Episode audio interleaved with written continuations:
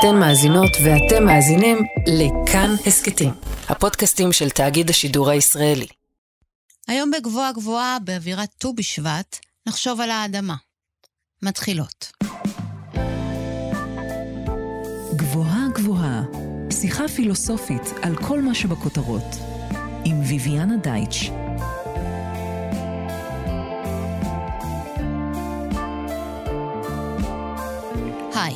אני ביביאנה דייטש, אנחנו על גבוהה גבוהה, תוכנית בה מדי שבוע ניקח פיסת מציאות אקטואלית ונפרק לה את הצורה הפילוסופית. היום, ראש השנה לאילנות, נחשוב קצת אדמה. בכל חופן אדמה יש יותר יצורים חיים מאשר סך כל בני האדם בכדור הארץ.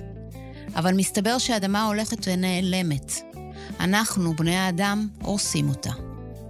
מחקר של האו"ם משנת 2015 קבע שנותרו לנו עוד 60 שנות אדמה. אנחנו כבר ב-2024, אז כנראה שיש לנו עוד 51 שנים של אדמה. מה זה אומר?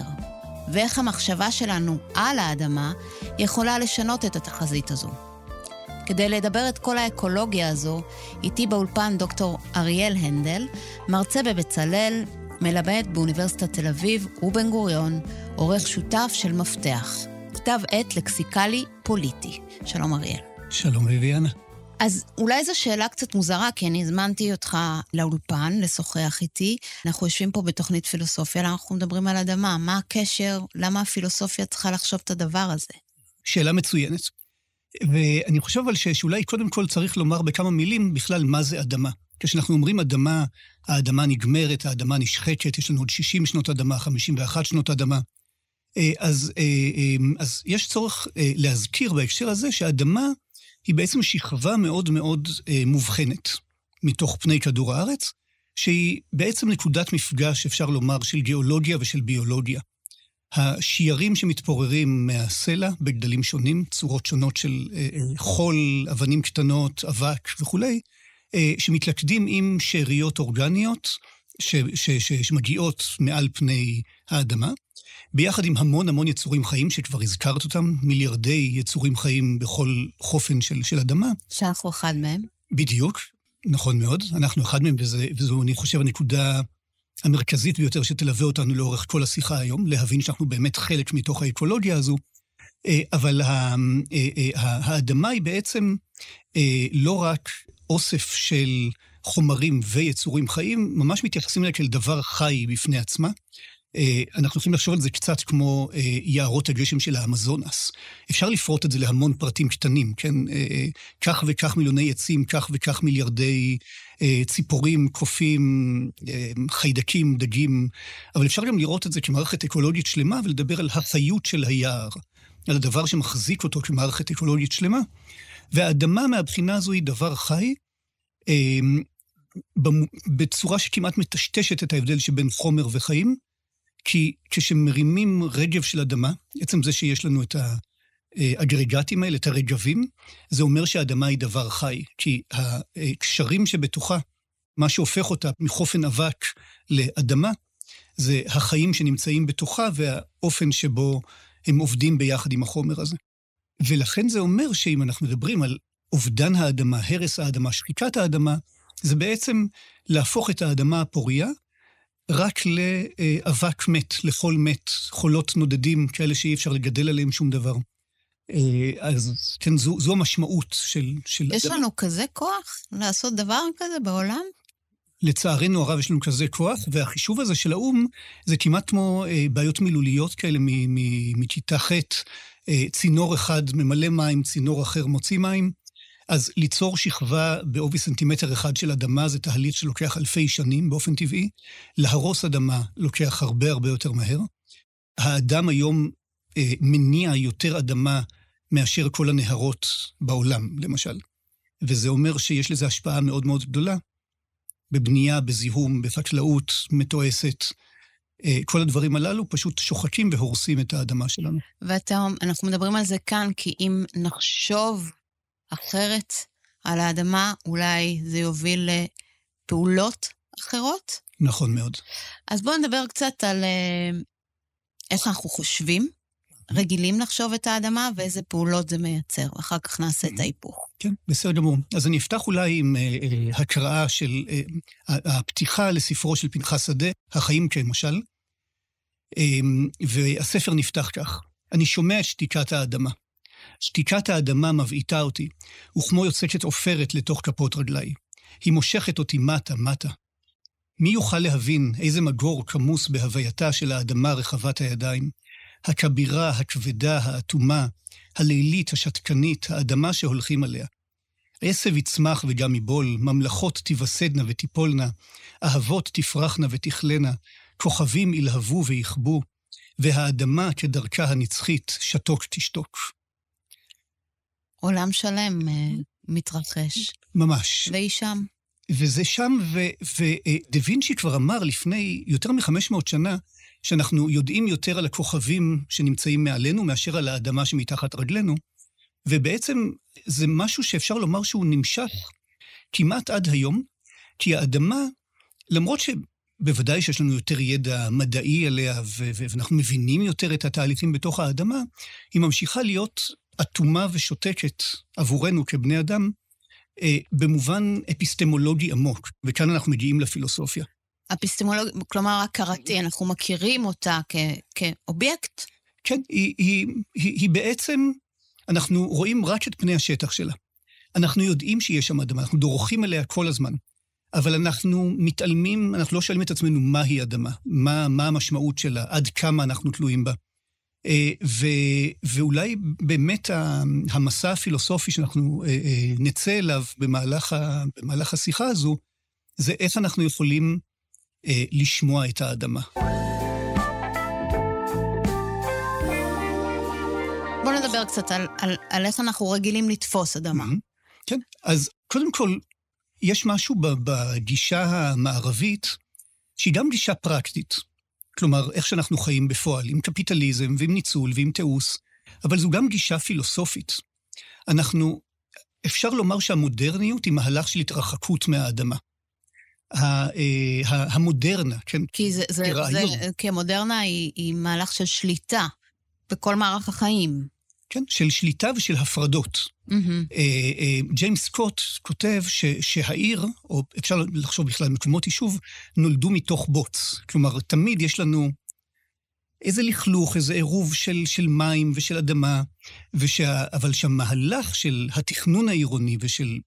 ושוב, תכנון עירוני, אני חושב, הוא סמל לאופן החיים שלנו כיום, זה אה, להפריד כמה שאפשר יבש מרטוב, ולשמור על ההפרדות האלה כאשר אנחנו בעצם מפחדים מהאדמה עצמה ומההתפוררות שלה, מה, מהלחות שלה, מה, מהיכולת שלה אה, לחזור להיות מעורבבת. אנחנו עוטפים אותה בשמלות של בטון ומלט. אנחנו אה, הולכים רק עם נעליים, אנחנו, אנחנו רחוקים מהאדמה, אבל גם באמת כתפיסות אה, אה, אה, אה פילוסופיות ממש, אה, האדמה היא אה, מקום שאנחנו אה, פועלים עליו, אנחנו אה, משתמשים בו, אנחנו מנצלים אותו, אנחנו מחלקים אותו, אנחנו כובשים אותו, אנחנו עושים עליו כל מיני פעולות. אני חושב שאולי אנחנו יכולים להתחיל עם דוגמה באופן שבו הפילוסוף קרל שמיט מדבר על אדמה. קרל שמיט, אחד מהוגי הדעות הכי מזוהים עם המפלגה הנאצית, כן, משפטן ופילוסוף, שכתב מהמאה ה-20, משנות ה-20 של המאה ה-20 ועד שנות ה-70, דיבר בעצם על אדמה בכמה מובנים שונים. בשנות ה-30, כאשר הוא ממש חובר למפלגה הנאצית, הוא מדבר על ה... הוא מתחבר למושג הגרמני של blood and soil. אה, דם ואדמה. אוקיי, מה שמאפיין את העם הגרמני, את, הפולק הזה, זה אה, החיבור האינהרנטי שבין דם ואדמה, כאשר האדמה אה, צריכה לשאת רק את מי שזורם אה, אה, בגופו הדם הנכון. אז זו ככה אולי הגישה הכי אה, אה, מסוכנת בתפיסה האורגנית של אדמה כמקום וחיבור. אבל בשנות ה-50 הוא מוציא ספר אחר שנקרא The Nomos of the Earth, החוק של האדמה, הוא מדבר על ארץ, אבל בספר הוא ממש מדבר, הוא, הוא, הוא משתמש במילה סויל, שזו המילה שאנחנו משתמשים בה בדרך כלל לאדמה, והוא אומר, האדמה היא אה, המקום שבו אנחנו, אה, שבו בני אדם יוצרים את החוקים שלהם. אנחנו מחלקים אותה לגבולות ולטריטוריות. אנחנו קובעים בה אה, קרקעות פרטיות ו... אדמה היא ובעלות. קרקע. כן, אדמה היא טריטוריה, אדמה היא קרקע, אדמה היא אמצעי ייצור לחקלאות. ולכן מהבחינה הפילוסופית, הוא אומר, היא בעצם השורש לכל אה, אה, חוק מודרני.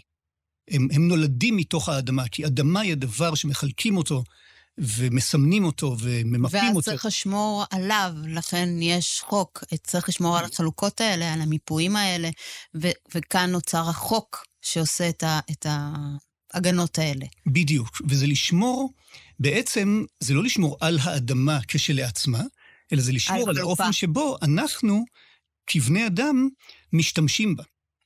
ובהקשר הזה אני חושב ש, שאפשר אולי אה, אה, אפילו להזכיר כמה דברים קטנים. למשל, אה, המילה טריטוריה נגזרת מש, משני אה, שורשים לטינים שונים, אבל שמתלכדים לתוך, לתוך המילה הזו. המילה הראשונה היא טרה, טרה כאדמה. המילה השנייה, ואולי המפתיעה יותר, היא טרה, שמשם בא אה, המושג אה, אה, terrifying וגם טרור. הפחדה. כן, הפחדה, הפחדה וטרור ממש. ויש, אה, ו, וה, והחוקרים ש, שחוקרים את האטימולוגיה הזו בעצם אומרים, טריטוריה היא אדמה שממנה אפשר להפחיד ולגרש אנשים אחרים. כן, זה חלק מתפיסת הבעלות הזו, אומרים, מה זה טריטוריה לאומית? זה אומר, האדמה הזו היא שלנו בלבד, ואנחנו יכולים להפעיל אלימות וכוח כדי להדיר ממנה אנשים אחרים. אה, אה, אה, ההגדרה של רכוש פרטי, הגדרת הטקסטבוק ממש במבוא לכלכלה, זה the right to exclude, הזכות להדיר, הזכות להוציא. אז גם קרקעות פרטיות, מה זה אומר? תחשבי על השלטים האלה בארצות הברית, כן, של, של private lands. אלה אדמות פרטיות, מי שנכנס אני... יכול לראות כן, בו. בדיוק, אני אוציא את השוטגן שלי.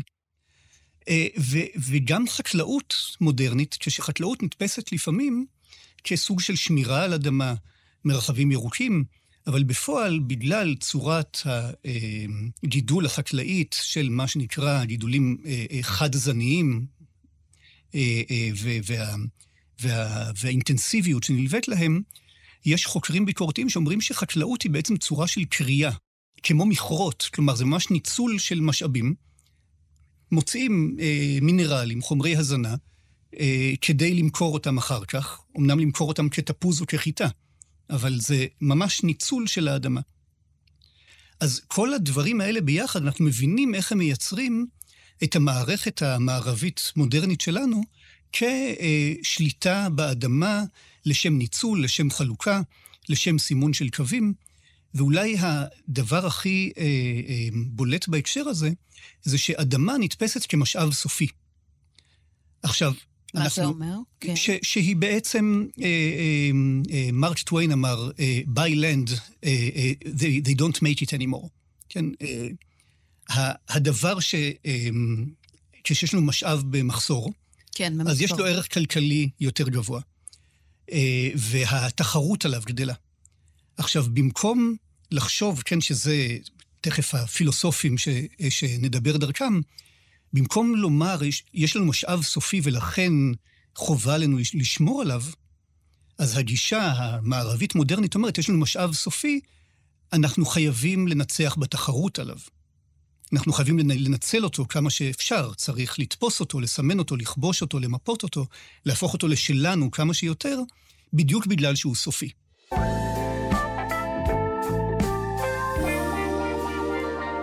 המטריאליזם החדש בעצם מנסה לחשוב באופן עמוק אחרת על חומרים, או על מה שמכונה בדרך כלל בספרות הזו non-humans.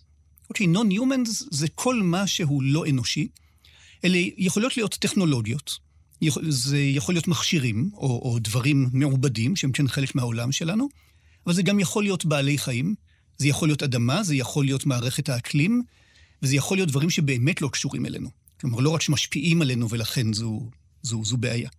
אבל יש גישות שהן לוקחות את זה עוד צעד אחד מעבר, ואומרות, אנחנו צריכים לחשוב על הסוכנות של נון-humans, לא רק בהקשר של ממש כחלק מתוך חברה אנושית, אלא גם כדברים כשלעצמם. הדבר שמחבר את, ה, את הגישות האלה זה המחשבה ש... נון-humans, אוקיי? חומרים, מכשירים, דברים, בעלי חיים, אדמות, אה, אה, מייצרים, יש להם איזשהו שדה, אוקיי? אה, אז לפעמים קוראים לזה קרינה, לפעמים רטט. זה אומר שני דברים בעצם. אחד, אי אפשר לצמצם, כמו שאי אפשר לצמצם בני אדם רק להיותם מכשיר עבור משהו, כי יש להם איזשהו קיום שחורג מהדבר הזה. אנחנו לא יכולים אף פעם להקיף בן אדם לגמרי, כן? להבין את כל השפעותיו, את כל, את כל כולו. אנחנו גם לא יכולים לעשות אותו דבר כלפי חומרים, הם לא ניתנים לצמצום מוחלט. ויותר מזה, אנחנו גם מרגישים משהו במפגש עם חומרים. כן, זה משהו בעודפות הזו, בקורנות הזו. כשאני רואה עץ, כשאני נתקל ביצירת אומנות, זה באמת אבל דורש, אה, כמו שאמרת קודם, רגע של הקשבה.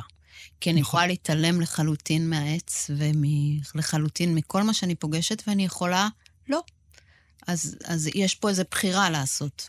כן, זה, זה, זה ממש, כן, זאת אומרת, החומרים מדברים, השאלה אם אנחנו יודעים להקשיב. עכשיו, הקשב הזה הוא, אה, הוא מראש, זה לא קשב לשוני.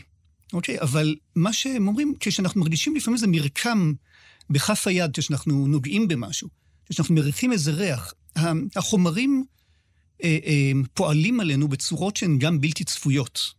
כן, זה לא רק להגיד, טוב, הריח הזה מזכיר לי משהו מהילדות, ולכן אני מיד יודע מה זה. לא, אני מרגיש משהו קודם כל, אה, ולכן אני באיזושהי אינטראקציה עם, עם, ה, עם החומרים. אדמה היא חומר שהוא מאוד אה, vibrant מהבחינה הזו. כן, יש בו משהו, כשאנחנו אה, מחזיקים אדמה, אנחנו מרגישים דברים. אני לא אומר שכולם, אני לא אומר שכולם באותה צורה, אבל אדמה אה, פועלת עלינו. משהו בתחושה, בריח, בטעם לפעמים. ז, זו צורה של אה, היקשרות שאני, שאני חושב שכל מי ש, שנבקש ממנו ללכת לרגע ולחפור ב, ב, באדמה, אה, אה, יסכים איתה. כן, יש איזה שהן תחושות שהדבר הזה יוצר אצלנו. ושוב, אלה תחושות שהן לא בהכרח מתורגמות מיד לפעולה, אבל כן יש פה משהו שאומר לנו שאנחנו יכולים גם לייצר איזושהי אה, זיקה, איזושהי התקשרות מסוימת עם אדמה, שהיא לא רק דרך סדרת ההפשטות, להגיד, אה, זה טריטוריה, זה שדה חקלאי, זה אה, רכוש פרטי, או, או אה, מושא למחקר אה, מדעי אמפירי. אני שואלת את עצמי, תוך כדי שאתה מדבר, אנחנו מקליטים, ההקלטה שלנו היא בתל אביב. דיברנו לפני שהתחלנו להקליט, שנינו גרים בעיר, אה, ואין הרבה מרחבים של אדמה בעיר. צריך לחפש אותם. וזה שאני לא פוגשת הרבה אדמה, גם משפיע. אנשים שחיים בסביבה של טבע, והיום-יום אה, מבקש את המפגש שלהם עם הדבר הזה, יש להם, מבלי להתאמץ מחשבתית, אולי יותר את האפשרות להרגיש את הדברים שאתה אומר. ואנחנו ממש, אה, פשוט אה, אין לנו את המפגש, אין לנו, אז אנחנו רגילים לחשוב על הדברים ככה. נכון. בקורס שלימדתי על אדמה בבצלאל, ביקשתי מהסטודנטיות והסטודנטים להביא איתם לשיעור הראשון חופן אדמה. ו- ולספר משהו על החוויה הזו. האופן שבו אנשים אה, התפעלו, במובן של אה, הופעלו, כן, הפעילו את עצמם לתוך הדבר הזה. נסעו לבית של ההורים בצפון כדי להביא אדמה, כי זה עבורם אדמה. אחרים הביאו אדמה מהעציץ במרפסת, כי, כי זה הדבר שהציל אותם בתקופת הקורונה, להם בכל זאת טיפה אדמה. אין מישהו שלא היה לו סיפור על האדמה שהוא הביא. ואני חושב שזה באמת משהו ש, שמספר לנו משהו על הדבר הזה.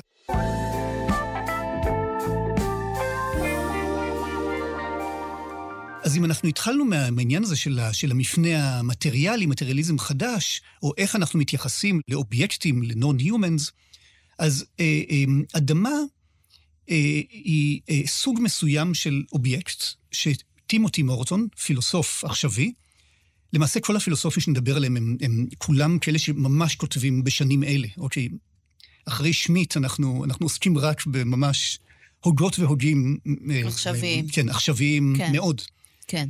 אמ, וטימותי מורטון מציע לחשוב על סוגים מסוימים של non-humans, שהוא קורא להם היפר-אובייקט, hyper-אובייקט. היפר-אובייקט הוא אה, אובייקט, אוקיי? אבל שהוא מאוד מאוד גדול. אה, הגודל הזה הוא הופך ממאפיין כמותי למאפיין איכותי. זה גדול כל כך שאנחנו לא יכולים לתפוס את הדבר הזה במלואו. הוא אה, בעצם אה, מורכב מהרבה מאוד חלקים קטנים, כן? אבל הוא גם אובייקט שלם בפני עצמו. יש לו אה, אה, גודל וזמניות ש, שחורגים מקנה המידה האנושי.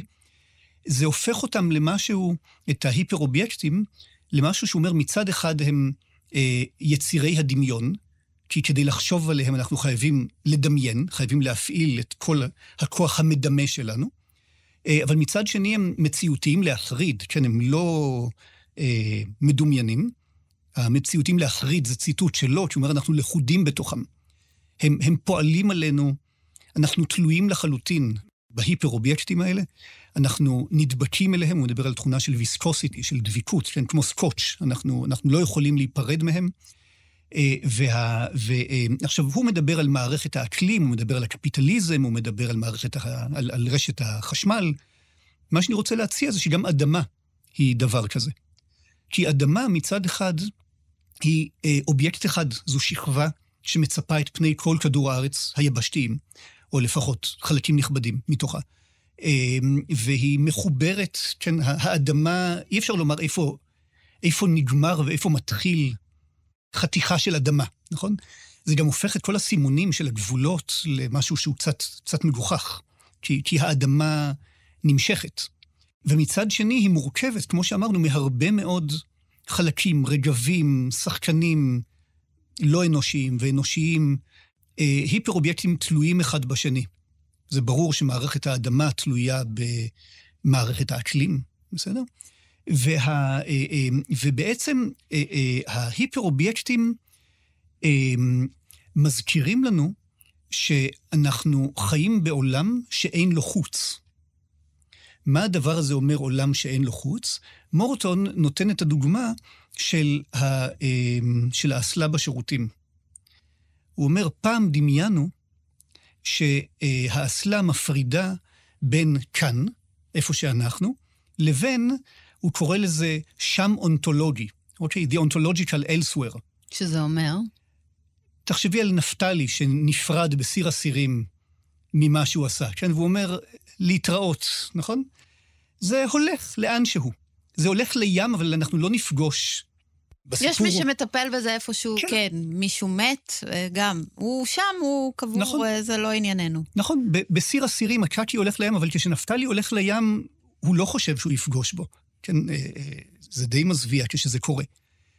ובעצם עולם, אז דמיינו את העולם ככזה שיש לו חוץ, שאפשר להשליך דברים החוצה, לזהם בחוץ. באה משאית הזבל ולוקחת את הדברים שלנו ל-ontological elsewhere, כן? אי שם. כן. בחוץ. והעולם ממשיך. נכון. ברגע שאנחנו מבינים שהעולם הוא היפר-אובייקט, או שהוא מורכב מהיפר-אובייקטים שונים, אנחנו מבינים שאין לזה באמת חוץ, אנחנו רק דחקנו את הדברים קצת הצידה, אבל ככל שבני האדם מתפשטים יותר על פני כדור הארץ, משפיעים יותר על כדור הארץ, אנחנו פוגשים את מה שהרגע סילקנו אה, בתדירות יותר ויותר גבוהה. ולכן בעצם, אם אנחנו חושבים על האדמה ועל הזיהום שלה וההרס שלה כהיפר-אובייקט, מורטון אומר לנו, זה לא אדמות שונות. גם אם תסלקו את הפסולת הרדיואקטיבית שלכם לאפריקה, אז בעוד כמה שנים אתם כן תפגשו אותה חזרה. אתם תפגשו אותה חזרה כי היא אה, תעלה על גדותיה באפריקה, כי היא תשחק את האדמות ולא יהיה לכם אוכל, כי לא תהיה חקלאות, כי, אה, כן, זה, זה, זה בסוף חוזר ופוגש אותנו. זה פוגש אותנו, כן, עם אדמה, זה פוגש אותנו עם עוני, וזה פוגש אותנו בכל דבר, אנחנו לא יכולים לברוח. אה, אי אפשר באמת אה, לחשוב שמשהו מחוץ לעולם, ובתוך העולם בסוף הוא יגיע. עבור מי שמצטרפת אלינו עכשיו, אנחנו על גבוהה גבוהה, אני ביביאנה דייטש, איתי באולפן דוקטור אריאל הנדל, ואנחנו מדברים על איך המחשבה על אדמה יכולה לשנות את המציאות האקולוגית, ככה במשפט מסכם ומאוד מכליל. אני חושבת, תוך כדי שאנחנו מדברים, אה, אני רוצה להחזיר את הדיבור על מה זו אדמה. כדי לדבר על זה במובנים מאוד קונקרטיים, ואני רוצה אולי שנדבר על קומפוסט. Mm-hmm. שזה באמת, אה, אנחנו חושבים שזבל, מישהו בא לקחת אותו וזהו, זה מטופל. אני רק לפני שנתיים הבנתי שהשאריות האלה הן אדמה. נותנים להם מספיק זמן, ו... זה לא שזה מזין את האדמה, יש איזו מחשבה שכאילו זה הופך להיות חומר שמזין את האדמה, אלא נותנים לדברים להתפרק מספיק זמן, וזו אדמה. אז אולי נדבר קצת על, ה, על המעגליות הזאת. כן, זה, זה, אני חושב שבאמת ה, ההבנה הזו היא, היא, היא אחד מהמרכיבים במחשבה האקולוגית-פילוסופית העכשווית. אמ, מי שלמשל אה, מדברת על זה זו אה, דונה הרווי, שהיא אה, מדברת על אתיקה קומפוסטאית. ההנחה שלה היא בעצם כזו, היא אומרת, בתוך מערכת מעגלית אקולוגית שמזינה את עצמה, מה שאוכל צריך לתת את עצמו להאכל אחרי לכתו, אוקיי? או אחרי לכתה. זאת אומרת שברגע שאנחנו קוברים את עצמנו, היא, היא מתייחסת ספציפית באמת לקבורה.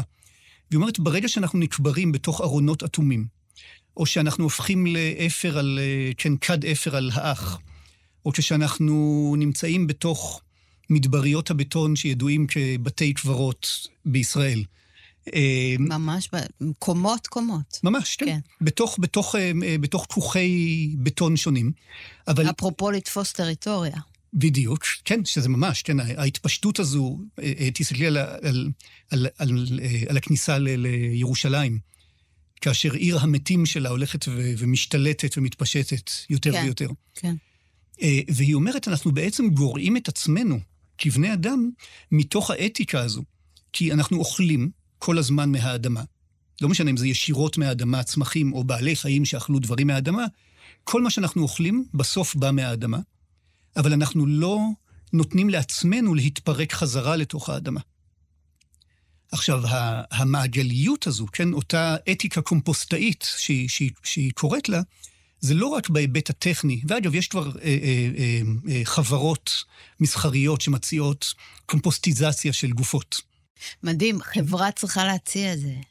זה, זה, נכון. זה מדהים בפני עצמו, כי זה כל כך פשוט. מניחים גופה והיא נכון. הופכת לקומפוסט. נכון. אין, אין מה להציע. וזה, וזה גם הכי מעפר באת ולעפר תשוב. כן. נכון? זה, הרי זה, זה הציווי שציוו לנו. כלומר, מהבחינה הזו זה דווקא לא... אה, אין פה מחשבה שהיא, שהיא אנטי-דתית, אה, או אנטי-טבעית. זו המחשבה הכי טבעית שיש. כן. אה, אבל ה... המחשבה הזו על אתיקה של אדמה ועל בני אדם כחלק מתוך האתיקה הזו, זה באמת אה, אחד מהעקרונות המנחים של, של המחשבה הפילוסופית. אה, דוגמה אה, אחת שאני יכול להביא של אה, אה, חוקרת פילוסופית, אה, חוקרת מדע, חוקרת אומנות, אה, מריה פואיג' דה לבלה קאסה, שמדברת... השם ה... כן, השם הנפלא הזה. כן. המתגלגל. אמ, ושמציעה לחשוב על אדמה כתשתית חיה, ביו-אינפרסטרקצ'ר. עכשיו, מה זה אומר אה, תשתית חיה? כן, מה... אה, אה, כן, אנחנו מבינים, תשתית זה הדבר שמאפשר לנו להתקיים ולחיות, וזה גם חי. אבל, אבל למה זה מעניין לחשוב על זה בצורה הזו? אז מה שהיא אה, עושה, אה, פואיג' דה לבלה קאסה, היא לוקחת מאפיינים מתוך תחום שנקרא לימודי תשתיות ביקורתיים. אוקיי, יש כזה תחום, בעצם לדבר על תשתיות ועל איך הן אה, אה, משפיעות עלינו. כי תשתיות, אנחנו אמנם לא רואים אותן, אבל הן מחולקות באופן בלתי שווה, לפעמים אנחנו מחוברים טוב יותר, לפעמים פחות, לפעמים אנחנו מקבלים שירותים מסוימים, לפעמים לא, וזה בא לידי ביטוי בכל דבר. אם יש לי אינטרנט מהיר או לא, אם אני מחובר לרשת החשמל או לא, אה, אבל כן, אבל, אבל יש פה אה, גם שאלות אה, עומק על מהי תשתית. ומה שהיא עושה זה היא בעצם אה, לוקחת כמה מה, מהנקודות האלה, והיא אומרת, קודם כל, תשתית היא תמיד ריליישונל, אה, היא ייחוסית. כן, היא מייצרת בתוכה אה, אה, יחסים שונים בין, בין מרכיבים שונים. אה, כמו, זה, זה, זה מהדהד מאוד את העניין של היפר-אובייקטים. היא אומרת, אנחנו אף פעם לא רואים את התשתית בצורה מלאה, אנחנו רק פוגשים את המופעים המקומיים שלה. אני לא רואה את תשתית החשמל, אני מתחבר לשקע. נכון, אני לא רואה את רשת המים, אני פותח את הברז. לפעמים אני כן רואה, אה, לא יודע, אה, קטע של המוביל הארצי. לפעמים אני יכול גם להסתכל על, על אה, תמונת לוויין ולראות את הכינרת וגם את הברז אצלי בבית, אבל אני לא יכול להכיל את כל התשתית בצורה מלאה.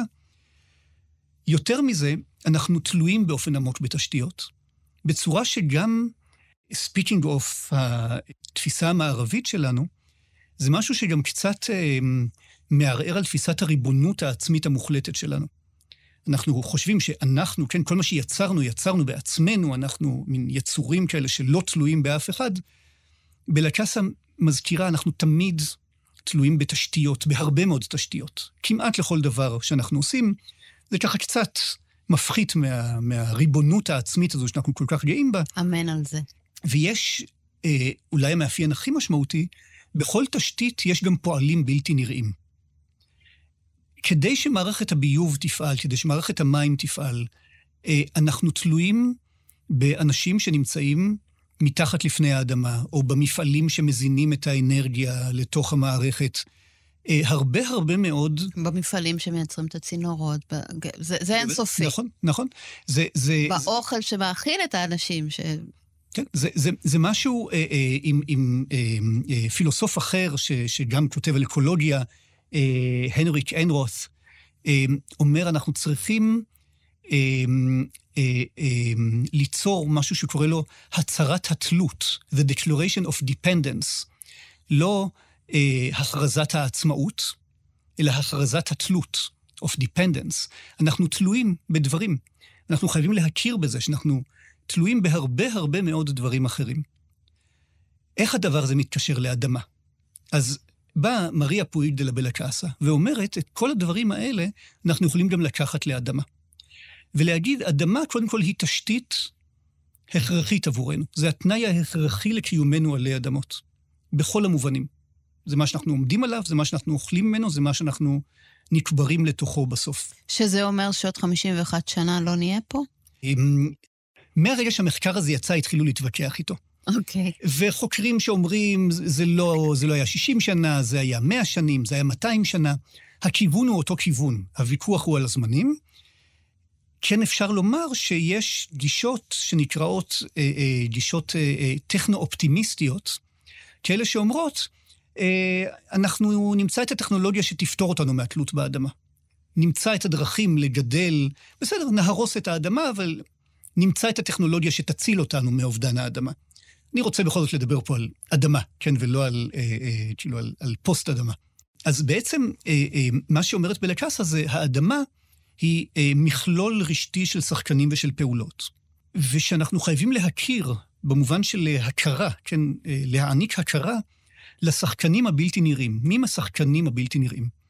תולעים, פטריות, עכבישים, חיידקים שמפרקים את החומרים האורגניים. כל הדברים שנמצאים בתוך האדמה, שאם אנחנו לא נתחשב בהם, אנחנו נהרוס את האקולוגיה הכוללת שמכילה גם אותנו. אז הוא הכרה, הכרה אה, קומפוסטאית, כן, מעגלית, זה לא, טוב, נשמור על התולעים כי אחרת אנחנו נמות. אלא בעצם אנחנו והתולעים אנחנו פשוט מרכיבים שונים בתוך, בתוך אותה בתוך אקולוגיה. בתוך אותה תשתית. נכון, בתוך אותה תשתית. וה, אה, ואז היא מדברת על אה, פילוסופיה של דאגה, של קר. כאשר הדאגה לאקולוגיה של האדמה היא זו שמאפשרת לנו גם לשמור על עצמנו, אבל גם לחשוב על מה שהיא קוראת לו צדק חברתי יותר מאנושי.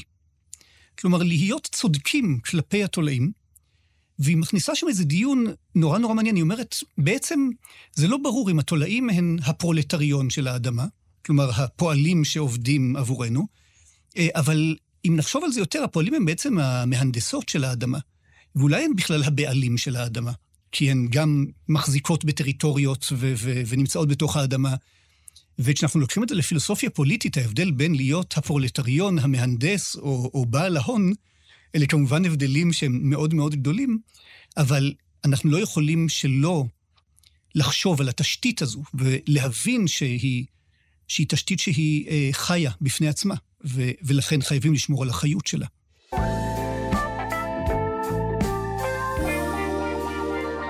דיברנו קודם על אה, האדמה כהיפר-אובייקט, שזה, היפר-אובייקט זה משהו...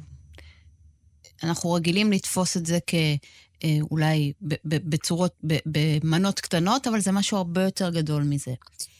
ואז אנחנו מדברים על אדמה, ואנחנו, זה מייצר איזושהי אדמה גלובלית כזאת. אה, כאילו זה משהו אינסופי. ודווקא אני, בשיחה מקדימה שלנו, אתה אומר, זה דווקא חזרה לאיזושהי לוקאליות. אז בואו נדבר קצת על בין גלובליות ללוקאליות. כן. כן, אז, אה, אז אה, אני חושב ש, שפה אנחנו יכולים אולי להשתמש בהבחנה של ברונו לטור. לטור מציע, כן, שישנם שני סוגים של בני אדם, או אה, אה, שהחברה האנושית מתחלקת לשניים. סוג אחד זה מישהו קורא לו אה, Humans, לפעמים הוא קורא להם Moderns, לפעמים Europeans, אלה אנחנו. בעצם, כן, אה, תושבי העיר המודרנית, אה, מי שמרוחקים מהאדמה, שאולי אוהבים אדמה, אולי לא, אבל, אבל הם לא חיים את האדמה. אה, הסוג השני, כן, המין האנושי השני, הוא קורא להם טראנס או earthbounds. בעברית אפשר אפילו לשחק עם זה בצורה יותר מעניינת. ה-humans יהיו בני האדם, הטראנס יהיו בני האדמה. אוקיי, הגרמנים. העברית מציעה לנו. קרל סמית יגיד הגרמנים. כן, הגרמנים לא, אבל, אבל, אבל זה כן. דווקא... אה, לטור מאוד נזהר מהמקום הזה. כן. של להגיד בני האדמה זה אומר שאני מגרש את כל מי שהוא לא כמוני. כן. כן, הוא, הוא, הוא נזהר מזה מאוד, אבל אותם בני אדמה, אותם טראנס, מחזיקים באפיסטימולוגיה שהיא ילידית, אבל אולי גם אקו-פמיניסטית, ואולי אה, אורגנית, במובן של חקלאות אורגנית. כששואלים חקלאי אורגני מה הוא עושה, הוא אומר, אני מגדל אדמה. לא אני מגדל מלפפונים או עגבניות, אני מגדל אדמה. בתוך האדמה אני מגדל גם את עצמי וגם את המלפפונים. אז כן, זו, זו התפיסה, זו קשר שהוא, אה, שהוא לא נצלני עם האדמה, אה, חיים עם האדמה ולא רק עליה, מכירים בסוכנות של האדמה, אה, דואגים לצמיחה שלה, לשימור שלה, לטיפוח שלה. ו, אה, ומה שלטור בעצם, כשהוא מביא את זה, אז הוא מדבר על ש, מין שתי מגמות גדולות, כן, שתי אפיסטמולוגיות כאלה אה, של תפיסה כלפי האדמה. אבל שני חוקרים אה, ברזילאים, דבורה דנובסקי ואדוארדו ביביירוס דה קסטרו, מציעים לקחת את ההבחנה הזו למודל אולי אפילו כמעט פסיכולוגי. אומרים, בעצם לטור מדבר על כאילו שני מינים, כן? יש את מי שנמצאים באירופה ואת הילידים שנמצאים בברזיל. ובמובן מסוים זה מעניין, כי הם כותבים כברזילאים, כן? ש, ששם המתח הוא נמצא ממש בתוך, בתוך המקום עצמו. הם אומרים, אולי בעצם צריך לחשוב לא כשני מינים שונים, אלא כשתי ישויות שמתרוצצות בתוכנו, בתוך, בתוך כל אה, אה, אחת ואחד מאיתנו. שני צדדים שלנו, מין מודל סכיזואידי. כמו התולעים שדיברנו קודם, שהם יכולים להיות גם הפרולטריון, גם המהנדסים וגם uh, בעלי האדמה? משהו כזה? אה, הם, הם מתייחסים לזה בצורה קצת אחרת. הם אומרים, אנחנו יכולים לחשוב פה כמעט על קולוניזציה עצמית. זאת אומרת, אנחנו, ביסוד שלנו, אנחנו כולנו בני אדמה, טראנס, אבל נכבשנו על ידי האירופיות. ולכן ההבחנה הזו שבין ה-humans וה-terrans, או בני האדם ובני האדמה, זה לא בין שני אנשים שונים, שתי קבוצות אוכלוסייה, אלא בתוכנו מתרוצץ המתח הזה. ומה שהם אומרים זה אנחנו צריכים לגלות בעצמנו, לעשות איזושהי דה-קולוניזציה עצמית. לגלות בעצמנו, לעשות את השיפט, שבעצם אה, אה, אה, מאפשר לנו לשחזר את הקשר הילידי, ואולי אפילו נאמר הקשר הילדי, אם נחשוב על איך ילד ניגש לאדמה, נכון? אז כאילו זה משהו שהוא קצת אה, אה, ראשוני יותר. אה, ו, ו, ומזכירים, כי הם אומרים, ההבחנה הזו שבין האירופאים והילידים, הם אומרים הרי בעצם האירופאים הם הראשונים שנכבשו על ידי הדבר הזה. גם, גם אירופאים היו פעם בני אדמה. אז צריך לעשות איזשהו שחרור, שחרור עצמי, כן, זה, זה, זה הדבר שהם, שהם מציעים. והשחרור העצמי הזה זה באמת אה, העלאת הרגישות לאדמה. כן, אנחנו מדברים כל הזמן איך מקשיבים לאדמה, איך אנחנו הופכים את עצמנו מבני אדם, מערביים, מודרניים, לבני אדמה, כאלה שיותר חשים בה, מזהים אותה, מרגישים אותה, ועושים את זה בצורה שהיא לא שמיטיאנית. כלומר, שהקשר שלי העמוק עם האדמה לא אומר שהוא הקשר רק שלי עם האדמה, ולכן אני חייב לגרש ממנה אחרים, או, או אה, כן, אה, מין קשר אה, אה, פשיסטי של דם ואדמה במובן הזה. ומהבחינה הזו באמת הזכרת את, ה, את האתגר של להתחבר למקומיות, אבל בצורה שהיא לא מדירה. אני חושב שהמהלך הזה, שבו אנחנו מצד אחד חושבים על האדמה כמשהו מאוד מאוד גדול, שזה אומר שאנחנו לא יכולים באמת לשלוט בו. וכמשהו אה, פועם וחי, מה שאומר שאנחנו לא יכולים באמת להבין אותו ו- ולשלוט בו לעומק, כמו שאנחנו לא יכולים לשלוט בבני אדם, באמת, כן, בצורה שמשעבדת אותם לחלוטין. ושדרך הניסיון שלנו כן לעשות את זה, אנחנו רק הורסים את האדמה ושוחקים אותה.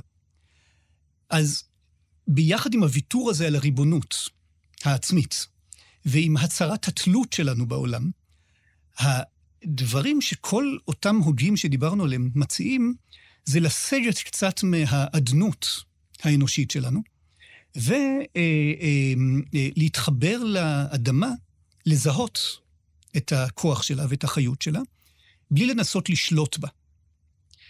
כי אדמה היא, התחלנו מזה שהיא המקור של כל חוק, אבל באופן עמוק היא גם פורעת חוק, בגלל שהיא לא נענית לגבולות. אנחנו יכולים לדמיין את האדמה כמעט צוחקת, נכון? אוקיי, סימנו עליי קו, ועכשיו אומרים לי, פה את אדמה... היא צוחקת, אבל היא גם אה, נעלמת. כן, צוחקת ו- ו- ובוכה צוחקת באותו ובוכה, הזמן. כן. כן, כן, בלי שום ספק. אבל, אבל לאדמה עצמה, במובן עמוק, אין גבולות. אוקיי, היא לא רק צבר של אובייקטים, אלא היא אובייקט בפני עצמו. היא היפר-אובייקט. זיהום של נקודה אחת מחלחל לנקודה אחרת. חיות ממקום אחד משקם את החיות ב- ב- במקומות אחרים. והיא מאפשרת לנו בעצם, אם אנחנו חושבים על החיבור, כן, על, על אותה אה, אה, דקולוניזציה, אז ברמה המאוד פרקטית, מדברים קודם כל על האטה. איך עושים את זה בשיטה הכלכלית שאנחנו חיים בה? אז לאנתרופוקן צמחו כבר שמות מתחרים, למשל קפיטלוקן. כי אומרים, זה לא האדם כשלעצמו, זה הקפיטליזם שמייצר את הדבר הזה. זה ה... זו הצריכה, זה הניצול, זה האקסטרקטיביזם, אה, אה, הניצול כצורת, אה, כצורת פעולה. אכן, אנחנו לא יכולים לשמור על האדמה או על משאבי כדור הארץ בכלל, כשאנחנו ממשיכים כל הזמן לראות בהם אך ורק מושא לניצול. השיפט הזה של, ה, של ההתכוונות שלנו נועד בדיוק לדבר הזה, כלומר, דרך ההתחברות המקומית, דרך ההגנה, ההתרגשות כמעט, כן, יש פה ממדים גופניים ורגשיים גם כן, של החיבור עם האדמה. אנחנו יכולים לשמור על האדמה שאצלנו, אבל לא, אבל עדיין לזכור שאין חוץ. זה שאני שומר על האדמה אצלי לא אומר שאני זורק את הזבל אצל השכנים, או שאני מסיע את זה מעבר לים, או שאני משליך את זה לתוך הים. אולי לחשוב איך להחזיר דברים לאדמה. נכון מאוד. כלומר, יש המעגליות. אז יש גישות שמדברות על די-growth, כן, על אה, אה, אנטי-צמיחה. אבל אפשר גם פה לחשוב, אה, אה, צמיחה אה, ביולוגית, כשמשהו צומח, הוא גם מתכלה. צמיחה כלכלית זה רק לצמוח יותר ויותר. בטבע אין לנו צמיחה שרק צומחת יותר ויותר ויותר ויותר, בסוף, בסוף יהיה איזשהו איזון, נכון? זה, אז אם, זה ההבדל בין משהו שצומח ומתכלה למה שצומח ולא מתכלה. אה, לדאוג ולטפח את הקיים לא שווה פחות מאשר לייצר יותר ויותר דברים חדשים. במידה רבה זה, זה עדיף. אה, ובמקום, וזה אולי הכי נוגד את האינטואיציה המערבית שלנו, במקום אה, לנצל משאבים ולשאוף להטביע חותם בעולם, דווקא אה, לקבל את המעגליות הזו של צמיחה וריקבון, ולשאוף לא להשאיר חותם בעולם. אם אני חוזר למריה פואיל דה לבלה קאסה, אז היא אומרת, מה זה זיהום? כשאנחנו אומרים ש, ש, שדברים מזהמים את העולם, כן, זבל. אלה דברים שלא מתפרקים ונעלמים, שלא הופכים לאדמה. אה, ולכן היא קובעת אה, אה, כלל אצבע שתופס גם לכוסות פלסטיק חד פעמיות וגם לערים עשויות בטון. אם זה לא הופך לאדמה, יש לנו בעיה. ואם לצטט אותה, היא אומרת, ציוויליזציות שלא השאירו חותם על פני האדמה, הן אלה שצריכות להוות מודל לחיקוי, ולא ההפך. וואו, כמה זה שונה מאיתנו. אנחנו רוגים ט"ו בשבט. מה הברכה שלך לחג הזה, אחרי כל השיחה הזו שלנו? אמ, אני חושב שכל הזדמנות לחשוב על המערכת הטבעית שלנו ועל האדמה ועל פירותיה, זו הזדמנות טובה. מהבחינה הזו זה, זה אפילו לא משנה באיזו מערכת אמונות אנחנו מחזיקים, באיזה סוג של אה, תיאולוגיה, אה, במה... הסיפור עצמו פחות קריטי מאשר מה אפשר לעשות איתו.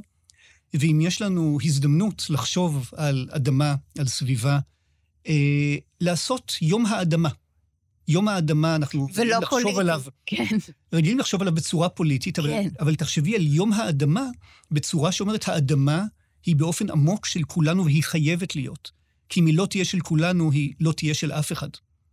וזה הדבר שאולי אפשר לקחת אותו אה, ו- ו- ולעשות איתו משהו. דוקטור אריאל הנדל, מרצה בבצלאל, מלמד באוניברסיטאות תל אביב ובן גוריון, עורך שותף של מפתח, כתב עת לקסיקלי פוליטי. תודה רבה לך תודה. על השיחה הזו. אני ביביאנה דייטש, תודה רבה גם לנועה בן הגיא ולתמיר צוברי. את כל הפרקים של גבוהה גבוהה אפשר לשמוע ביישומון או באתר של כאן, או בכל אפליקציה שבה אתן נוהגות ונוהגים להאזין להסכתים. אני מקווה שנהניתם והחכמתם. תודה רבה, אנחנו נשתמע במחשבה הבאה. ט"ו בשבט שמח.